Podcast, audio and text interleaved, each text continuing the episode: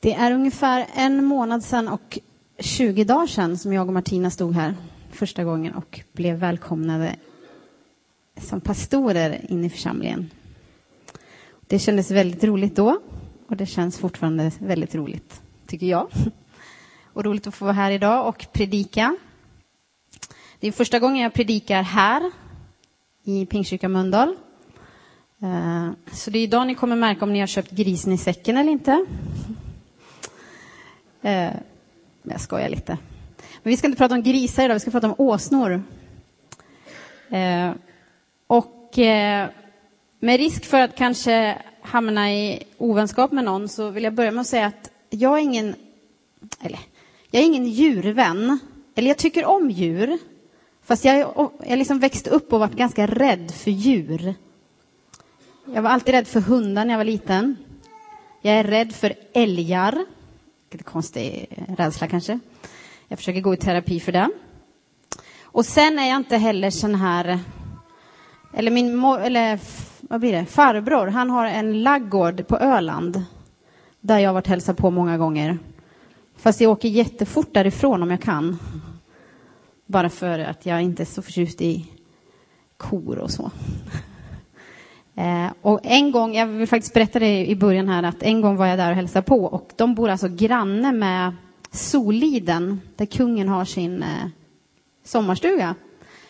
Och äldsta dottern då brukar gå och hälsa på min farbror ibland, kronprinsessan. Och när jag var där, det är alltså, nu är det säkert 15-16 år sedan, så var jag där med en kompis och hälsade på min farbror.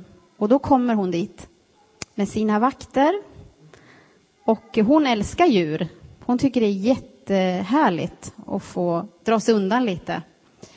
Så hon kom dit och gick in i laggården och sådär. Och jag stod utanför. och tyckte det var jättespännande med en kunglighet som stod där då. Eh, och sen kommer hon ut och så säger hon till mig, ska inte du gå in i laggården? Och, och då, då hinner jag tänka så några sekunder, bara, nu måste jag säga något bra till en kunglighet. Så jag säger, är jag ingen laggårdstjej? Och jag tyckte att ja, men det var ganska bra sagt. Tills jag berättade det för folk efteråt. De bara, sa du det till kronprinsessan? För hon sa, men du kanske kan bli. Jag bara, nej men jag tror inte det. Så. Ja, eh, så kan det gå. Men som sagt, men jag har i alla fall ett eh, djur som jag är fascinerad av och det är faktiskt åsnor. Så det är faktiskt väldigt roligt att jag får predika här idag just eh, utifrån den här texten idag. Eh, jag har ju rest lite grann i, i Colombia och El Salvador, Etiopien och när man är ute och går och promenerar där, rätt vad det är, så står en åsna på gatan. Du kan... Ja. Rätt vad det är, så jag måste alltid ta en bild. Jag bara tycker det är så fascinerande. De står bara där med sina ja, varor eller vad de har. Eh, och ja, helt enkelt eh, finns liksom. Och då, då tycker jag bara att det är fascinerande djur. Och sen är ju åsnan väldigt speciell då, utifrån dagens text. Du kan, det finns några bilder till där. Ja, ni ser ju. Jag tar ju alltid selfies då, måste man göra. Inte bara med människor. Um, och åsnan, det är ju ett lastdjur, kan man säga. Eh, det är ett lastdjur som, som, när man ser åsnan så ser man att den har massa grejer på vagnar och varor och ganska tung last sådär. Den gör ett ganska tungt jobb. Eh, och man räknar med åsnan på det sättet att den ofta gör det här värsta slitgörat. Vi har ju lite uttryck om åsnor också. Det finns ett uttryck som man säger att man är dum som en åsna. Och jag försökte leta upp där var det uttrycket kommer ifrån och då hittade jag det på Skolöverstyrelsens hemsida. Nu får rektorn rätta mig här kanske. Då står det så här, jag läser till. Vår bildningsälskande drottning Kristina lät införa det så kallade åsnestraffet i svensk skola genom 1649 års läroplan. Åsnestraffet är ett skamstraff som gick ut på att en elev som ertappats med att tala på sitt modersmål på rasten och inte latin, som de skulle, tvingades bära ett konstgjord åsnehuvud på sina axlar. Alternativ sitta på åsnepallen. Åsnestraffet byggde på en lek som hette Åsnan och vargarna. Ja, djup kunskap. Då vet vi det. Ja, det är inte så längre. Nej, folk de pratar latin på rasterna nu också. Ja. Ehm, men just det här med åsnan, ni hörde Roland läsa texten idag. Att Jesus rider in eh, i Jerusalem på en åsna. Men det här är inte första gången som en kung rider in på en åsna. Det hände även i Gamla testamentet, eh, om vi går till eh, första kungaboken 1 och 32, så kan vi läsa om hur David eh, ser till att hans son Salomo får, res, eh, får rida på en mulåsna. För han ska nämligen smörjas till kung. Eh, och då vill han att Salomo ska sätta sig på den här mulåsnan. Och mulåsna det är alltså en korsning mellan en häst och en åsna. Eh, och på den här tiden så var faktiskt det här typet av djur ganska högt Eh, uppsatt, eller uppsatt. Man såg att det prisades högre, läste jag på någonstans, högre än en häst på grund av att mulåsnan var mer uthållig än hästen. Eh, och det står, eh, jag läser ifrån första kungaboken eh, från vers 38 och två verser, så står det så här.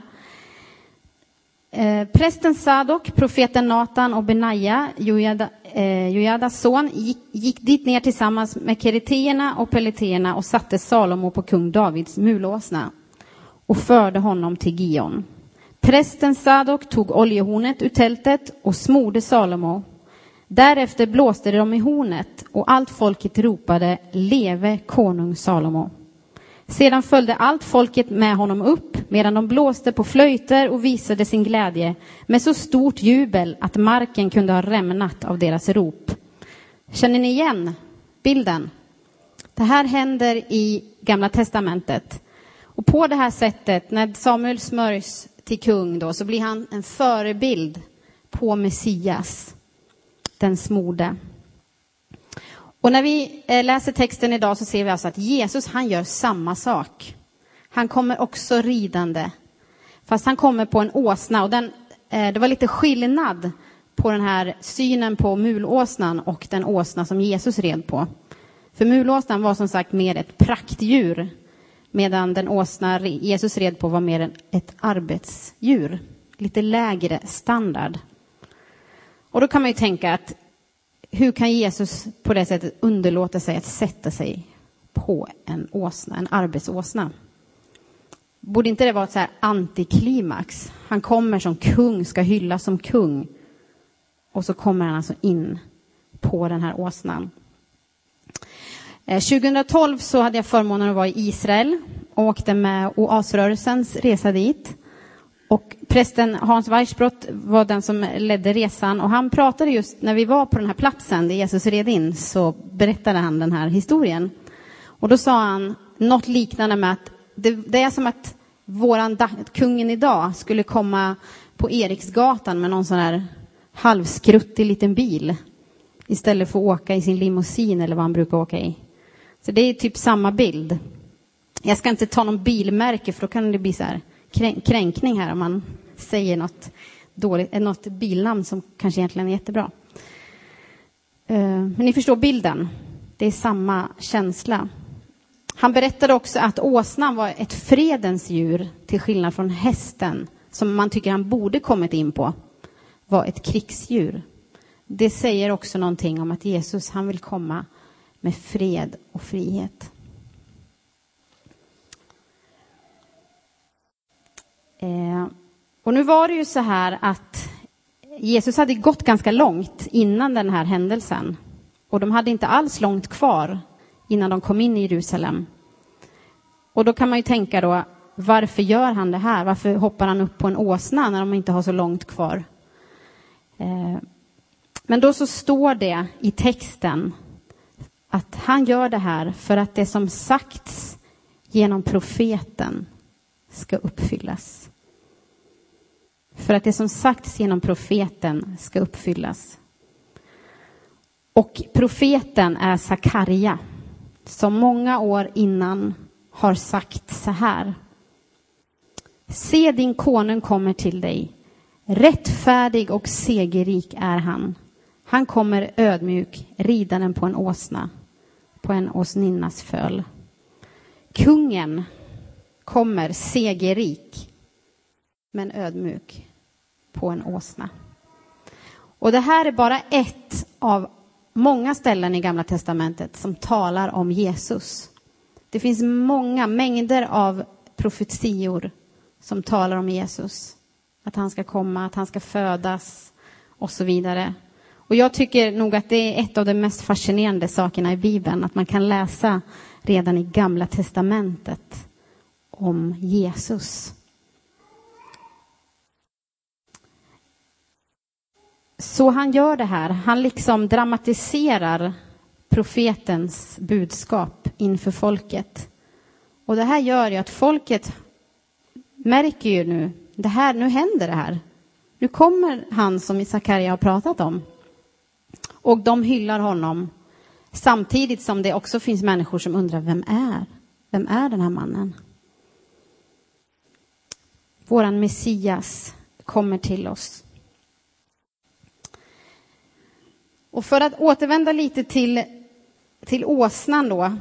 Tänk dig det, nu står åsnan där på sin vanliga plats och äter kanske hö, till exempel. Helt plötsligt kommer det två personer och säger att nu ska du få ut och rida lite, eller ut och gå lite med en kung på ryggen. Jag vet inte vad de säger exakt och jag vet inte vad åsnan uppfattar heller i och för sig. Eh, och jag läste lite faktiskt, Eva Spångberg, hon har skrivit om åsnan Eh, och hon säger så här.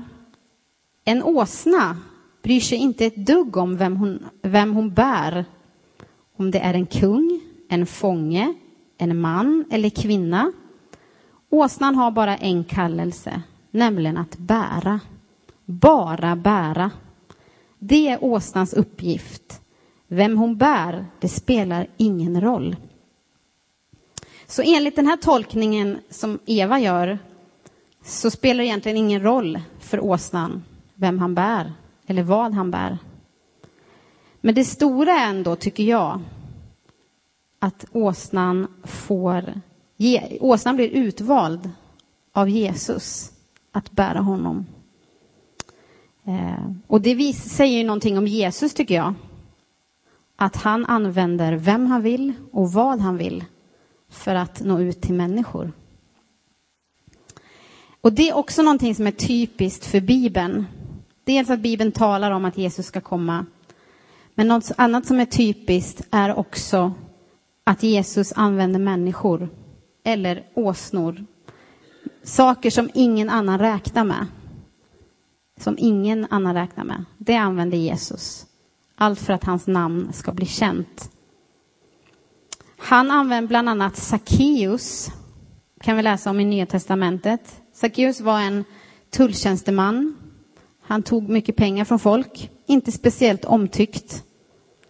Men Jesus kallar på honom och säger att jag vill äta mat med dig. Och folket runt omkring, hur kan han göra det med den här mannen? Men tack vare det mötet så blir Sackeus förvandlad och vill ge tillbaka pengar och mer än vad han har tagit också. Därför att Jesus kallar på honom. Det finns en kvinna i, som det står talas om i Johannes 4 som eh, hade ganska dåligt rykte.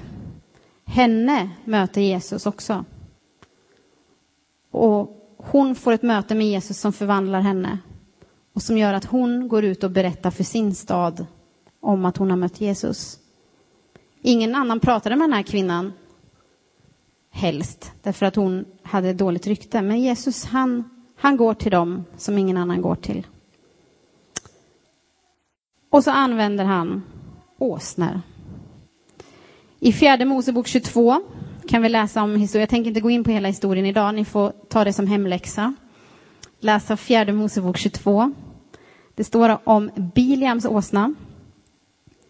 Eh, Biliam eh, var på väg och skulle då Eh, så kommer en stor ängel och stoppar Biliam och hans åsna på vägen. Men Biliam ser inte den här ängeln. Men det gör åsnan. Så åsnan stannar. Eh, och Biliam blir jättearg och bara, men kom igen nu, nu ska vi gå framåt här. Eh, men åsnan vägrar ju. Och till slut så börjar, får åsnan, börjar åsnan prata och säger att ja, ni, får, ni får gå hem och, och läsa den här berättelsen, men han, berätt, han säger ju som det är, liksom, att vi kommer inte längre nu.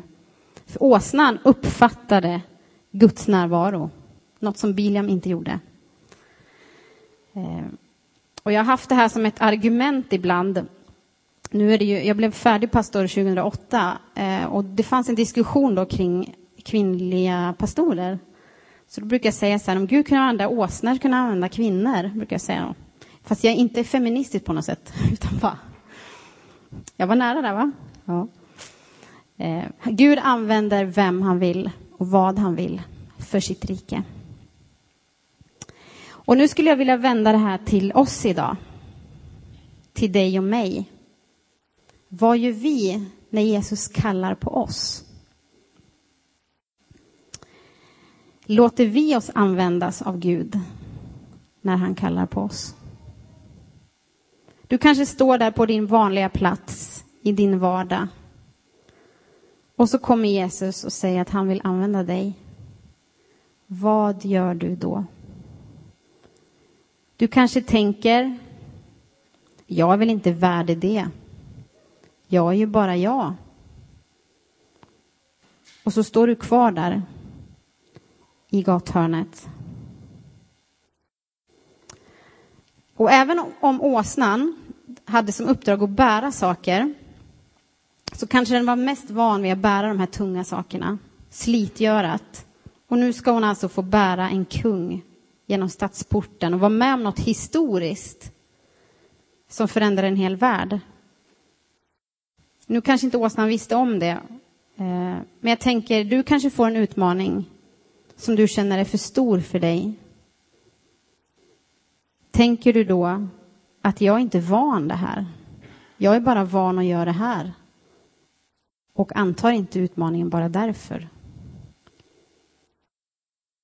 Då är min utmaning till dig idag att inte stirra dig blind på det du brukar göra utan låta Gud utmana dig. För du kan mitt i din vardag få vara bärare av Jesus till människor. Du kanske inte alltid är medveten om det själv, att du är bärare av Jesus. Men han bor i dig och i ditt möte med andra människor så får du ge honom vidare. Men håll ögonen öppna och ta tillfället. Tänk inte, jag är inte värd. Tänk inte, jag är inte van. Utan låt Gud få utmana dig. Och vi kommer ha en stund av bön, förbön här senare i mötet. Och då vill jag skicka med dig fyra saker till slut som kan vara anledning till att ta emot förbön idag. Och det, det första är eh, det som jag var inne på, att kämpar du med mindervärdighetstankar, att Gud inte kan använda mig därför att, då vill jag att du ska ta vara på den här stunden idag. Att låta honom få beröra dig, för Gud använder vem han vill. Du kanske står i det här gathörnet i ett vägskäl och du upplever att Gud kallar på dig. Men du behöver vägledning i ett beslut. Då är min utmaning att ta emot förbön för dig idag också. Är det så att du kanske sitter här och är trött själv och känner att du har burit för mycket och känner att jag orkar inte bära någonting mer nu. Då kanske du ska låta Gud bära dig idag. Han ska få lyfta dig och ge dig kraft. Och det sista är att Gud ska få öppna dina ögon så att du ser tillfällena i din vardag när han vill använda dig. Du kan vara bärare av Jesus. Amen. Vi ber en bön. Jesus, jag tackar dig för att du är kung, för att du kom till oss stor men ändå ödmjuk. Och Herre, vi vill ta emot dig i våra hjärtan idag och välkomna dig som den kung du är. Eh, och Herre, jag ber idag också att vi ska få, få vara människor som eh, blir bärare av dig in i vår vardag. Och du ser var och en av oss idag vad vi funderar över, vad vi tänker på, vad vi bär med oss idag. Att vi kanske tänker att jag är inte värd att, att, att ta den här kallelsen på allvar. Men tack för att du vill ingjuta hopp idag i var och en av oss. Tack också för att du kallar oss till någonting, Herre. Och jag ber för den som idag känner att de står vid ett vägskäl. Tack för att du vill tala tydligt. Jag ber också för den som känner sig trött idag. Jag ber att du ska bära den personen. Och tack för att du vill öppna våra ögon så att vi får, får se vad du vill göra i människors liv, i och genom oss. Vi ber för fortsättningen av den här gudstjänsten, att du ska fortsätta tala, beröra oss och visa oss vem du är. Amen.